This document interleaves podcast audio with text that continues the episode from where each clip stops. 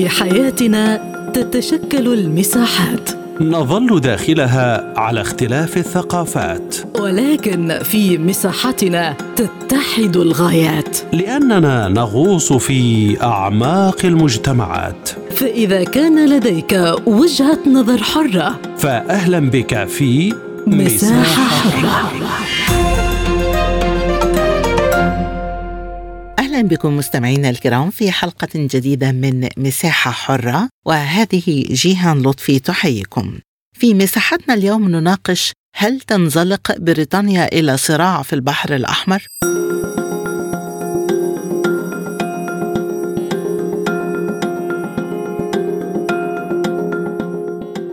أفادت تقارير إعلامية بأن بريطانيا تدرس شن ضربات جوية على الحوثيين بعد أن قالت الولايات المتحدة إن قواتها البحرية أغرقت مؤخرا ثلاثة قوارب كانت تستهدف سفينة حاويات في البحر الأحمر.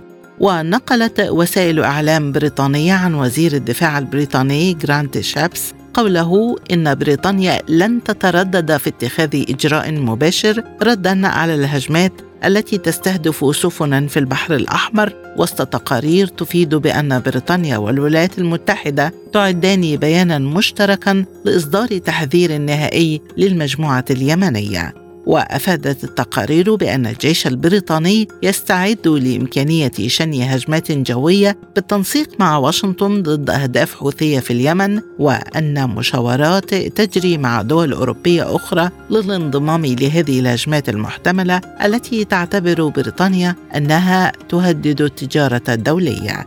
فهل تنزلق بريطانيا إلى صراع في البحر الأحمر؟ حول هذا الموضوع تدور نقاشاتنا في حلقة اليوم من مساحة حرة. ويسعدني في البداية أن أرحب بضيوفي في حلقة اليوم من بيروت معنا خبير الشؤون الجيوسياسية والاقتصادية الدكتور بيير عزار ومن الرياض أيضا الكاتب والاقتصادي والمحلل السياسي الأستاذ أحمد السالم البداية مع خبير الشؤون الجيوسياسية والاقتصادية من بيروت الدكتور بيير عزار. مرحبا بك معنا ضيفا عزيزا دكتور بيير عبر أثير سبوتنيك. وسؤال حلقة اليوم هل تنزلق بريطانيا إلى صراع في البحر الأحمر؟ بعد الإعلان في وسائل إعلام بريطانية عن استعداد بريطانيا لشن هجمات على الحوثي؟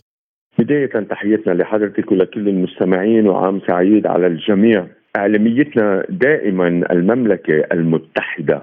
بريطانيا تعرف بالمملكة المتحدة لأنها تضم أو تتحكم بأربع مقاطعات وأربعة عشر من دول الكومنولث بغض النظر بأن هنالك بعضا من هذه الدول قد بدلت من الاتجاه الملكي باتجاه الجمهوري مثل نيوزيلندا وأستراليا إلى ما هنالك. بريطانيا هذه النقطة حساسه جدا. قناة السويس بالنسبة لبريطانيا محور مركزية رسم مسارها الاستراتيجي وخططها الاستراتيجيه لتأثيراتها على الأبعاد الجيوسياسية. دائما كان هنالك صراع عندما كان الرئيس جمال عبد الناصر وحصل خلاف كبير آنذاك مع بريطانيا حول موضوع قناة السويس وتدخلت آنذاك الملكة إليزابيث الثانية التي كانت تعتبر شخصية مهمة جدا ولو أنها لم تكن تجهر بمواقفها السياسية علما بأن النظام الملكي البريطاني رئيس الوزراء هو الرجل المباشر في السلطة التنفيذية ولكن الملكة لها دور مهم جدا. كذلك الأمر اليوم الملك تشارلز وبالتالي من الطبيعي إن بريطانيا سوف تستبسل استبسالا قويا ولكن إنها اليوم قدراتها أو مقدراتها على التحرك باتت في حالة من الضمور أمام هذا التنافس الشديد الدولي. على مسرح الواقع الدولي ولكن بريطانيا هي سوف تكون دائما في الطليعه باتخاذ المواقف لأنها تهتم دائما فيما يعرف بالهند والمحيط الهندي. بالنسبة لبريطانيا هذا ممر حساس جدا. كذلك الأمر هي بريطانيا رأس الحربه في منطقة بحر الشمال باتجاه الحرب بين روسيا وأوكرانيا. وبالتالي بريطانيا وخاصة اليوم إعلاميتنا علينا أن لا ننسى بأنها خرجت من منظومة الاتحاد الأوروبي وهي في الأساس كانت شكليا ضمن الاتحاد الأوروبي. كان الجنيه الاسترليني يتحرك منفردا عن اليورو. الموضوع اذا نحن أمام دولة تحاول أن تستعيد أمجادها ولكن هي ترى بأن الأمجاد التي يمكن استعادتها هي مجددا من خلال الهند وهي المستعمرة الحساسة جدا بالنسبة لبريطانيا وخاصة أمام بروز الصين وبالتالي تريد أن تلعب دور في الاتفاق الذي حصل بعد قمة البريكس عندما تم انضمام دولة الإمارات والمملكة العربية السعودية ودولة مصر الجمهورية المصرية وكذلك الأمر إثيوبيا والأرجنتين إلى منظومة البريكس وكذلك الأمر إيران.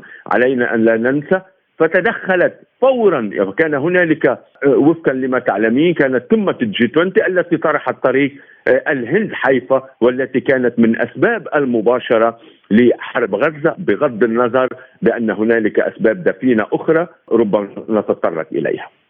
إذا دكتور هل يشعل التدخل المباشر الأمريكي بضربه ذوارق الحوثي والبريطاني المرتقب الذي أعلنت عنه وسائل الإعلام البريطانية هل يشعل هذا التدخل المباشر فتيل صراع أوسع نطاقا في المنطقة؟ هذا سؤال مهم جدا إعلاميتنا الولايات المتحدة لا تستطيع ولا تجرؤ. حتى ولو كانت تمتلك قدرات عسكرية فلكية لا تستطيع الولايات المتحدة أن تدخل في حرب شاملة.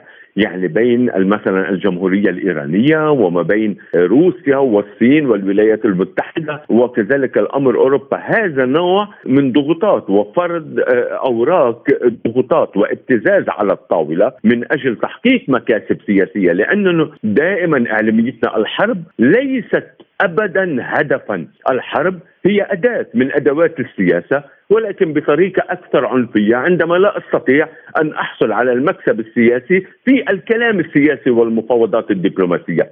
أضغط باتجاه الآلة العسكرية من أجل تحقيق مكاسب سياسية. هذا التهويل التهويل ولكن علينا أيضا أن ننتبه وأنا كنت دائما على منبرك أقول بأن التبدل في موازين اللعبة الجيو اقتصادية هي في منطقة باب المندب والبحر الأحمر وقناة السويس و البحر الأبيض المتوسط حكما لأن هنالك حركية هائلة للسفن التجارية لأن منطقة رأس الرجاء الصالح طويلة جدا جدا جدا. لهذا الأمر يتم الاستعادة عن الطرق البرية لأن البحار باتت عنصر منافسة شديدة وهو اعلاميتنا لماذا باتت اليوم؟ هي دائما عنصر منافسة. ولكن اليوم البحار أقصد البحار اشتدت هذه العام أو هذا العامل التنافسي باتجاه البحار نتيجة امتلاك روسيا قدرات بحرية هائلة باستثناء حاملات الطائرات. وكذلك الأمر نمت الصين قدراتها البحرية وباتت تصنع حاملات طائرات وسوف تلحقها روسيا بامتلاكها لحاملات طائرات. عندما باتت روسيا قوة بحرية وهي في علم الجيوبوليتيك كانت قوة برية أصبحت قوة ثنائيا برية بحرية تكنولوجية وكذلك الأمر باتت الصين تمتلك هذه المقدرات بغض النظر ما تزال روسيا أقوى بكثير من الصين من الناحية العسكرية. هذا الأمر بات يأخذ أبعاد مختلفة تجاه الولايات المتحدة وبريطانيا لأن هاتان الدولتان هم هما في علم الجيوبوليتيك قوتان بحريتان. معروفة بريطانيا في الأساس هي أقوى قوة بحرية لأن بريطانيا هي جزيرة هي من منظومة من الجزر وبالتالي ركزت كل ترسانتها العسكرية على السفن سواء الحاملات الطائرات أو الطرادات أو الغواصات. كذلك الأمر الولايات المتحدة معروفة بأنها أقوى قوة بحرية وتمتلك 14 حاملة طائرات هائلة الحجم تستطيع أن تنقل 14 ألف جندي. كل حاملة طائرات أمريكية تستطيع أن تنقل 14 ألف جندي و90 طائرة جاهزة. وضمن المستودعات يصل الحد إلى 290 طائرة داخل كل حاملة طائرات أمريكية. فهذا أمر حساس جدا. ولكن من هي الدول المرشحة للدخول مباشرة في هذا الصراع؟ ولدينا أطراف كثيرة معنية مباشرة بهذه التطورات لكن الكثير منها يأبى الدخول في حرب حتى الآن. الكل جاهز أن يقول أنا مستعد لكي ألعب على هذه الطاولة ولكن الكل يعلم بأنهم لا يستطيعون أن يلعبون لعبة الشطرنج ويقولون كش ملك ابدا. هذا أمر خطير جدا. الواقع الدولي إعلاميتنا ليس مثل زمن الحرب العالمية الأولى والثانية، نحن دائما كنا نقول إن الواقع الدولي لديه على مسرح هذا الواقع الدولي ثلاثة أشخاص، الدول، المنظمات الحكومية والقوى العبره الوطنية، هذه التعددية الهائلة بصناعة القرار على المسرح الواقع الدولي يمنع بلحظة معينة أي انفجار دولتي. يعني لا يمكن للجيوش أن تصطدم هي مباشرة إنها سوف تستعيد مثل ما كانت قبلا ولكن اليوم أكثر قدرة على استعمال الوسطاء في عملية تنفيذ المخططات. ولكن في هذه اللحظة إعلاميتنا علينا أن لا ننسى ما الذي يحصل في غزة وما الذي يحصل في أوكرانيا. ولكن في موضوع لأنك تذكرين موضوع باب المندب حرب غزة هي أساسية ودور مصر هنا دور أساسي لماذا مصر لأن مصر عندما تمنع عملية التهجير من غزة باتجاه سيناء فإنها تمنع حكما أي إمكانية لشق قناه بن غوريون من إيلات أم الرشراش باتجاه غزة أو وادي غزة هي لماذا المقصود غزة؟ لأن غزة سهل عملية الحفر وإن بن غوريون تختلف عن قناة السويس اعلاميتنا بأن قناة السويس هي خط واحد آه، الليل تور ولكن ضمن خط واحد على عرض 400 متر. أما الهدف من بن غوريون خطين منفصلين كأنه هاي واي مفصول شمالا ويمينا. ولكن هذا الأمر إن موقف مصر الصلب جدا لمنع التهجير وبالتالي منع التحقيق مشروع إيلات يعني قناة بن غوريون. وهذا أمر سوف يوقف أي محاولة لتفجير الوضع ميدانيا بغض النظر بأنني قلت آه، لحضرتك إنه مستحيل إعلاميتنا أن تدخل الدول مباشرة، هذا وهم وهم بالمطلق لأن الدول باتت لديها مقدرات هائلة وإنها دمار هائل والأسلحة التقليدية لديها اليوم قدرات تدميرية تفوق الأسلحة النووية باستثناء إنه الأسلحة النووية هي مشعة فإنها تضرب الأجيال والكوكب إلى مئات السنين. هل يشمل تفويض عملية حارس الازدهار شن هجمات في المنطقة التي تعتزم بريطانيا الاشتباك فيها مع الحوثيين؟ أيضا سؤال حساس جدا لأنه الاشتباك سوف يؤدي إلى حرب استنزاف للقوى البحرية البريطانية، يعني القوات الحوثية اليوم تمتلك مقدرات هائلة على ضرب السفن وباتت تمتلك التقنيات وتمتلك هي أيضا آه، تمتلك الضفادع البحرية مثل ما موجودة داخل غزة ولكن اللعبة باتت أكثر تعقيدا والمدمرات البريطانية هي تعلم بأنها تستطيع أن تصد للحظة بعض الطائرات المسيرة الانقضاضيه الانقضاضيه المقصود فيها بأنها انتحارية. كذلك الأمر تستطيع ربما بالصواريخ المضادة للصواريخ أن تصد بعضا من الصواريخ ولكنها إذا اتخذ القرار بعمليات كاميكاز سوف يستعملون بلحظة معينة عمليات كاميكاز وسوف يتم تدمير المدمرات وبالتالي العملية دقيقة جدا سوف يتم التهويل إلى أقصى درجة بإمكانية تفجير الحرب على صعيد دولتي ولكن هذا الأمر لن يحصل ولكن نتيجة هذا التهويل سوف تتم عملية مفاوضات ومؤتمر دولي من أجل ضبط إيقاع عملية البحار ولكن هذا الأمر لا يمكن أن يحصل قبل بلورة مفهوم ماهية الوضع داخل غزة لأنه عندما يمحى ملف غزة يعني قناة بن غوريون تهدأ الجبهة باتجاه الباب المندب عبر البحر الأحمر قناه السويس وبالتالي ولكن أنا إعلاميتنا متخوف جدا وأنا دائما أزم بكلامي وإنني أزم سوف تتعرض مصر إلى اهتزاز أمني وكذلك الأمر الأردن من أجل أنهم فشلوا. أفشلا مشروع مهم جدا ولكن هذه التذبذبات الأمنية سوف تنفس الاحتقان الدولي الذي يوحي بأن هنالك حرب عالمية سوف تحصل ولكن هذا الأمر مستحيل أن يحصل دولتيا ولكنه سوف يحصل بالواسطة كما يحصل اليوم عندما نقول عندما يكون محور المقاومة ما إنه ينفذ ضربات أقصى وأقصى وأقصى بكثير من أن تنفذها جيشا نظاميا مباشرا تجاه جيش نظامي آخر. تزامنا مع إعلان بريطانيا الاستعداد للهجوم على الحوثي وزير الخارجية البريطاني ديفيد كاميرون يجري حاليا مباحثات في سلطنة عمان. ما الذي يمكن أن يحصل عليه كاميرون من مسقط في هذا الإطار؟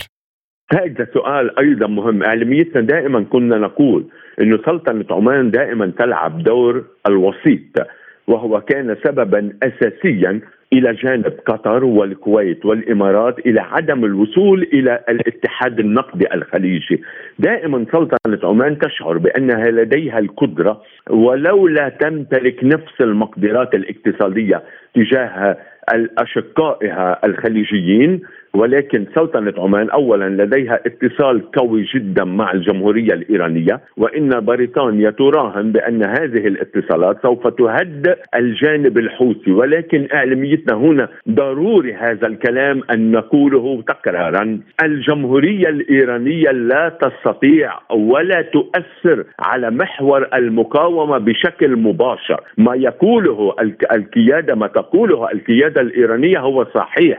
يعني حزب الله يتخذ قراره منفردا. الحوثي داخل اليمن عندما يقصف باتجاه الحديدة هو في نهاية الأمر يتخذ القرار. حركة حماس أخذت القرار منفردة. هذا كلام حقيقي وغير وليس فيه من المراوغة. إنما الكل لديه اتصال مع الجمهورية الإيرانية بموضوع الدعم. ولكن أقول مجددا هنا علينا دائما أن نأخذ الرئيس فلاديمير بوتين. هو فوق الجميع هو الذي يحرك اللعبة لأنه مركزية التفاعل الحرب الأوروبية يعني داخل أوروبا من روسيا باتجاه أوكرانيا وهي انتصرت منذ اللحظة الأولى وهذا كان كلامي منذ اللحظة الأولى بأن روسيا انتصرت في هذه الحرب وهي اليوم تتحكم في مفاصل اللعبة. وبالتالي بريطانيا لأنها متوترة متوترة العلاقة بينها وبين الرئيس فلاديمير بوتين نتيجة ما يحصل في بحر الشمال ودعم أوكرانيا إلى إلى أقصى درجاتها.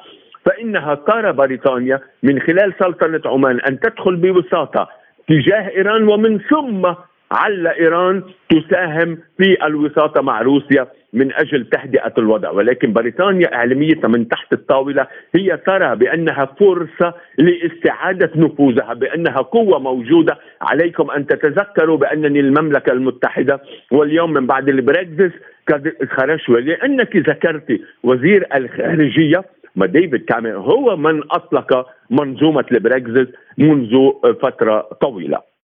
دكتور بيير حاملة الطائرات الأمريكية جيرالد فورد انسحبت من شرق المتوسط برأيك هل يرتبط هذا الانسحاب بخطط بريطانيا للهجوم على الحوثيين؟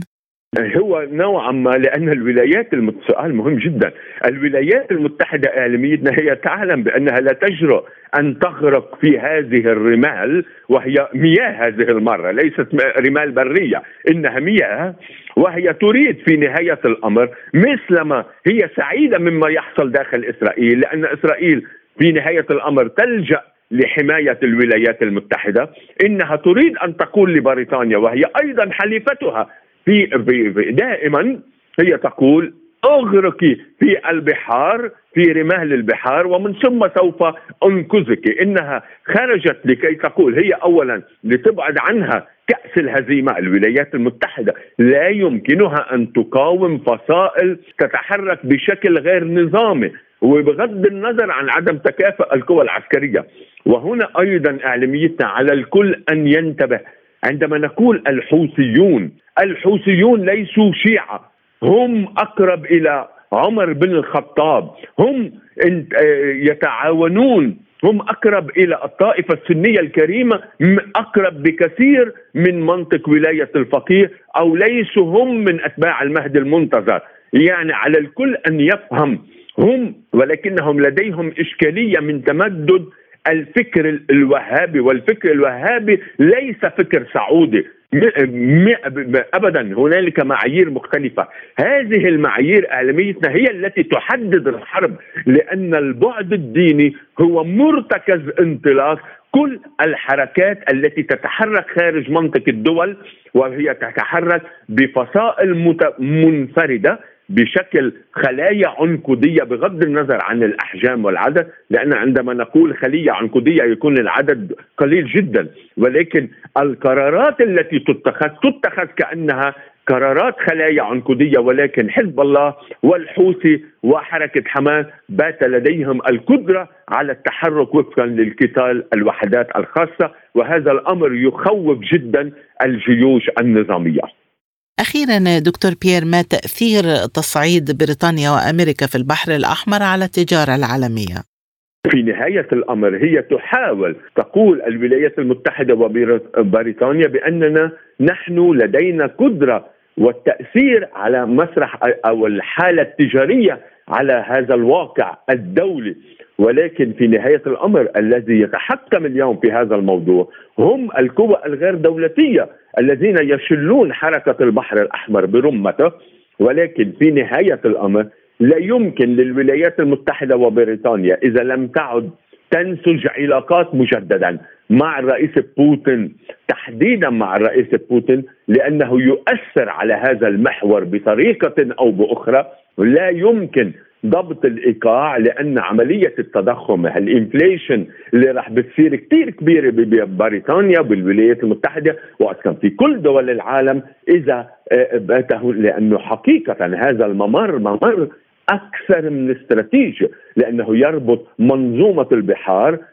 صادرات البواخر النفطية من دول الخليج والمحيط الهندي وبالتالي وكل أفاق آسيا بكامل فروعها الشمالية الشرقية الجنوبية فوق الجنوبية تحت الجنوبية. عندما نتكلم عن آسيا نتكلم مصدر للشركات الناشئة لأنه الشركات العابرة للأوطان إعلاميتنا علينا دائما أن نتذكر بأنها نقلت فروع الشركات إلى المناطق الأقل كلفة يعني بمعنى أنها الأقرب إلى المواد الأولية واليد العاملة أرخص لأنه أهم عنصر في سؤالك حول التجارة العالمية. النقطة الأساس إعلاميتنا أن الحجم التبادل التجاري بات اليوم في هذا الزمن بأرقام فلكية هو ما بين فروع الشركات وليس ما بين الشركات و الاقتصادات المعروف عنا الدول. أنا كنت دائما أقول الدولة هي الشخص الممتاز على مسرح العلاقات الدولية لأنها أكبر سوق استهلاكي. ولكن إلى جانب الدولة بات الحجم التجارة العالمية هو يتركز ضمن فروع الشركات. التبادل بين فروع الشركات بهويات مختلفة. هو الرقم الفلكي وهو الذي يحرك الولايات المتحدة وبريطانيا لأن خلف القرار الأمريكي البريطاني هي الشركات التي تريد أن إن تحمي ذاتها لأن فروعها باتت في هذه المناطق لأن عندما نقول البحر الأحمر نقول القارة الأفريقية برمتها. ونقول المملكة العربية السعودية عندما نقول القاره الأفريقية أقصد مصر أيضا وليبيا وحتى المغرب العربي في نهاية الأمر عندما نقول مضيق جبل طارق لأنه الإشكالية الكبرى تجاه أوروبا لأن عندما تتحرك من رأس الرجاء الصالح أين تصل البواخر؟ تدخل إلى مضيق طارق من جبل طارق يعني بين إسبانيا والمغرب من أجل الوصول مجددا إلى لأنها تدخل الرجاء الصالح إعلاميتنا يؤدي إلى المحيط الأطلسي. المحيط الأطلسي عبر مضيق جبل طارق يؤدي إلى البحر الأبيض المتوسط وهذا أمر شديد التعقيد ويؤثر كثيرا على الشركات وفروع الشركات. من بيروت الدكتور بيير عزار خبير الشؤون الجيوسياسية والإقتصادية كنت معنا. شكرا جزيلا لك. وحول موقف القوى الإقليمية من دخول بريطانيا والولايات المتحدة إلى صراع مباشر في باب المندب معنا عبر الهاتف من الرياض الكاتب الاقتصادي والمحلل السياسي الأستاذ أحمد السالم. مرحبا بك معنا عبر أثير سبوتنيك أستاذ أحمد. وبداية ما هي قدرة الحوثي على خوض معركة ضد بريطانيا وأمريكا في باب المندب؟ وقد بدأ الحديث عن فخ استراتيجي وقعت فيه إسرائيل بجرها إلى صراع متعدد الأطراف. بسم الله الرحمن الرحيم. طبعا الحوثي لا يملك آه، القدرة على خوض معركة مع الجيش اليمني أو الشرعية اليمنية فما بالك بريطانيا والولايات المتحدة آه، الأمريكية. لم يكن هناك فخ استراتيجي وقعت آه، في إسرائيل بجرها إلى صراع متعدد الأطراف آه، لأنه هذا العمل الذي يقوم به الحوثي اليوم كان سيقوم وسيحدث حتى لو آه، لم تحدث 7 أكتوبر آه، من قبل حماس ضد إسرائيل. آه، ولكنه تقدم به الوقت. 6 أكتوبر سرع بالعمل الحوثي على مضيق باب المندب. طبعا قبل كل هذا يجب أن أن نعرف الجواب لماذا وضعت خطوط حمراء على الحديدة والتي كانت لن تستغرق 48 ساعة على آه، تحريرها من الحوثي؟ في البحر الأحمر أنا أعتقد أنه لا يوجد حرب آه، فعلية. وإذا كان هناك تصميم بريطاني أمريكي لإنهاء أعمال الحوثي فهو آه، عليهم التشاور مع السعودية في تحرير الحديدة من آه، الحوثي ومناها آه، وبالتالي ستكون هناك حلول لجميع المشاكل. البنتاغون يقول إنه أعد خططا لاستهداف قواعد الحوثيين لكنه يخشى أن يصب ذلك في مصلحة إيران. برأيك هل يصب تورط أمريكا وبريطانيا بالصراع في مصلحة إيران؟ آه، إيران دولة تعرف أنها لا تحارب إلا من خلال آه، ميليشياتها. وعندما تجد أن الحرب قائمة قائمة من قبل بريطانيا والولايات المتحدة الأمريكية ضد الحوثي في اليمن ستنسحب إيران إلى آه، داخل إيران. أخيرا سيد أحمد ما هو موقف القوى الإقليمية من دخول بريطانيا إلى مواجهات مباشرة في باب المندب؟ وأتحدث عن السعودية ومصر وإيران. نحن نتحدث عن مهدئات لما يحدث في باب المندب وهو إيقاف أو صد المسيرات والصواريخ التي تطلق من البر اليمني ضد هذه السفن. وأنا ذكرت في لقاء سابق أن الحل واضح وبسيط وبمجرد اجتماع بريطانيا والولايات المتحدة الأمريكية مع السعودية ومع الشرعية آه، اليمنية ووضع خطط واضحة ودعم صريح من الأمم المتحدة ولا يوجد هناك آه، خطوط حمراء. أنا أعتقد أن الحديدة لا يمكن أن تبقى في يد الحوثي لمدة أسبوع. ولكن آه، ما يقال في العلن والتصاريح العلنية هناك أنا شخصيا أرى ما يقال آه، يناقض أفعال تحت الطاولة بما يحدث في اليمن. لذلك ترتيب يجب أن يكون مع السعودية اولا لأن هي المعني آه، بهذا الأمر آه، والأقرب في هذا الأمر ولا حدود مباشرة طويلة على البحر الأحمر ولا حدود مباشرة طويلة مع اليمن. وبمجرد آه، ضرب قواعد هنا وهناك فأنا أعتقد أنه هذا الأمر لن يجدي وربما يكون آه، مهدئات وربما آه، يتوقف الحوثي عن أفعاله وأعماله في مضيق باب المندب ولكن لن ينتهي وبمجرد مغادرة الأساطيل الأمريكية إن وجدت فعلا بشكل كبير. لذلك نزع هذا الفتيل يكون بتحرير الحديدة وميناءها بحديثي إلى الكاتب الاقتصادي والمحلل السياسي الأستاذ أحمد السالم من الرياض نكون قد وصلنا إلى ختام حلقة اليوم من مساحة حرة. وللمزيد زوروا موقعنا على الإنترنت سبوتنيك dot AE شكرا لطيب المتابعة وإلى اللقاء. كل عام وأنتم بخير.